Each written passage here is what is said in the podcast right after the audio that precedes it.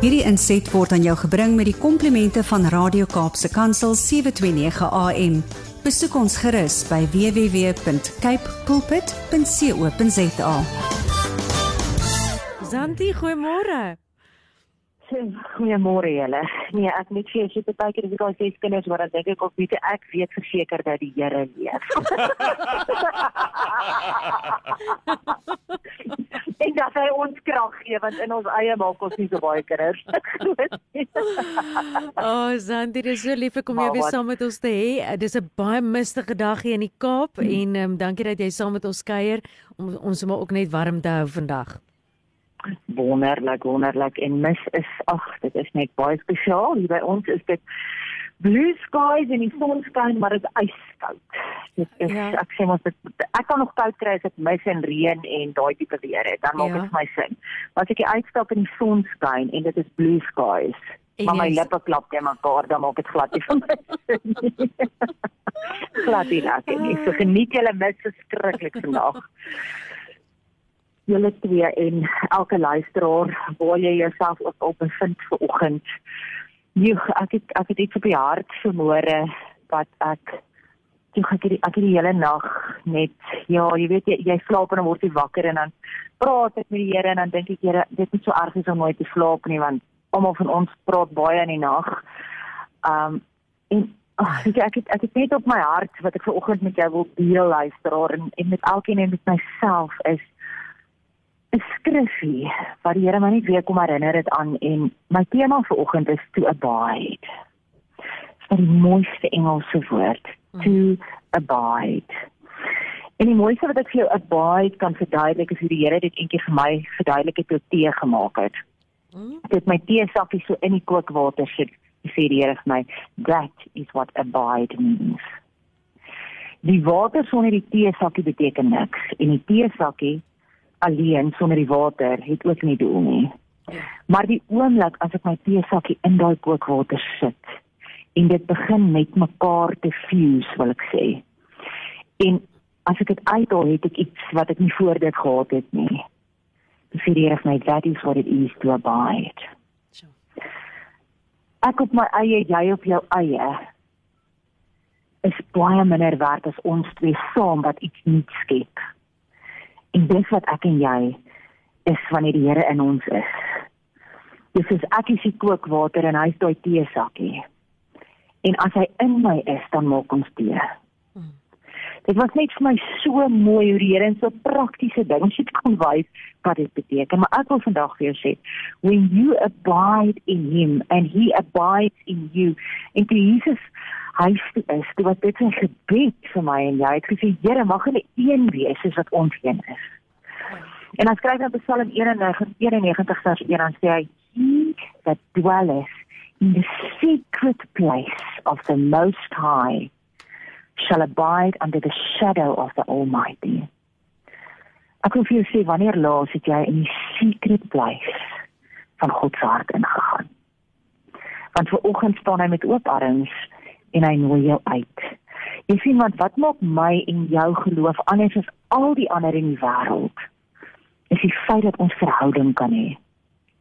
Die feit dat we can have relationship with a living God and that he can abide in us and we can abide in him. En net dan word ons dit wat ons moet word om in hierdie wêreld lig te bring. Want jy sien daar is nie eintlik so ding soos donkerte nie. Dit is net the absence of light but we are called to be light in a dark world. Ek wil vir jou vanoggend los met die mees kragtigste storie om om hierdie punt en julle ken vir my stories is hoe die Here met my werk en met elkeen van ons werk en dit was my so mooi want Jesus het met parables en stories toe op aarde was want hy het geweet dis ons koppies werk. En en dit is my so kosbaar as as as hulle eendag vir die Here vra maar verduidelik vir ons die koninkryk describe the kingdom of heaven because we live in the kingdom. Ons is in die wêreld, ons is nie van hierdie wêreld nie. En ek en jy moet begin ons koningskap en ons en ons of ons die feit dat ons in 'n koninkryk leef, begin leef. Daai waarheid begin vat dat ons in die koninkryk van die Here is. En dan vra hulle eendag vir die Here, "Maar verduidelik vir ons die koninkryk" en dan verduidelik hy 'n parable van 10 virgins with lamps. En dan sê daar was 10 van hulle met lampe, maar net 5 het olie ingehaat. En toe die bruidegom kom om die bruid te kom haal, kon hy net daai 5 vat wat die olie in hulle lamp het. En die ander het toe nou gaan olie soek om te koop. En dit was baie so mooi want ek het gewonder maar hoekom wil hierdie 5 nie deel nie? Hoekom kon hierdie 5 nie hulle olie met die 5 wat nie gehad het nie gedeel het nie? Ja. En dit besef ek want hierdie olie in hulle lampe is hulle verhouding met God. Dis hulle verhouding, dis hulle abide, dis hulle oneness. Dis hulle dis hulle teer. en ek kan nie my verhouding met die Here wat ek persoonlik het met jou deel nie. Want dis iets wat jy gaan moet ontdek vir jouself. So. Maar mag jou lamp nooit sonder olie wees nie. Mag jy nooit hierdie wonderlike boodskap gekry dat die Here vir jou lief het, kry sy gesterf het en net met daai leë lamp rondloop nie. Mag jy verhouding soek. Mag jy sy troonkamer soek. Mag jy in sy presence wees. Mag jy in die secret place gaan dwel. Mag jy abide van dis olie. En mag jy nooit sonder daai olie gevind word nie. Hmm. Los hier vanoggend met 'n storie van iemand wat abide verstaan het. En dan wil ek vir jou sê hoe dit God se hart raak. Hoe intens hy jou verhouding met hom beleef. Hoe hy alles sal laat meewerk dat dit goed is vir jou. As jy verhouding het met hom, as jy olie het, as jy in sy presence is, as jy die secret dwelling place verstaan. Professor sê daar was eendag 'n dokter en hierdie dokter het 'n wêreldberoemde prys gewen. Hy het navorsing gedoen op kanker en hy het um 'n tegnologie ontdek en hy hy, hy moes net 'n 'n 'n wêreld beroemde dokter geword en hy moes 'n 'n wêreldprys wen. Mm -hmm. En hy los toe nou alles soos meeste van ons tot op die laaste nippertjie om te vlieg. So ons doen eers my werkies en dan klim ons op by vliegtuig en hy toe nou weet hoe nou dis dis omtrent 'n 6 ure vlug en dan is hy nou by die plek waar hy nou die toekenning en, en sy speech moet doen. En toe hy so 2 ure weg is, dalk bietjie lank, 'n bietjie so 'n uur weg is van sy bestemming af toe kry hierdie um vliegtuig moeilikheid in die lug. Hmm. En om vir die kort te maak, werk die engineer en hulle moet land. En hy gaan na die persoon toe en hy sê, "Weet jy wat, wanneer is julle volgende vlug?" En sy sê, "Eers die volgende oggend." En hy sê, "Waar gaan hierdie toekenning kry?" Hy gaan dit mis en sy sê, "Maar weet jy wat, as jy nou 'n kar hier en jy klim in die kar en jy ry, gaan jy dit nog kan maak." Hmm. En hy doen dit. En hy klim in die kar en hy begin ry. Maar soos dit is, tref hy 'n ongelooflike storm en dit reën en dit haal en hy hy hy daar's 'n Afrika wat hy moet vat en hy mis hom en hy kom op 'n afgeleë plek in die middel van Amerika in die middel van nêrens kom hy nou bevind hy homself en hy sien daar's 'n huisie amper so 'n klein huisie in die middel van niks en nêrens en hy wil net sy foon op 'n charger kry en net ten minste balans hy gaan dit nie maak nie en 'n en 'n jong mamma maak oop en sy sê dit reg hy kan sy foon charge en ook so lank kom bietjie tee en terwyl sy tee maak bid sy vir haar baba Mhm. wat in 'n pot lê. Sy het net is net so een vertrek huisie, bitterarm. En sy bid vir haar kind en en sy terugkom sê hy sê weet jy wat, ehm um, ek is nou nie soos jy nie, ek glo nie in gebed nie, ek glo in harde werk en ek glo in wetenskap.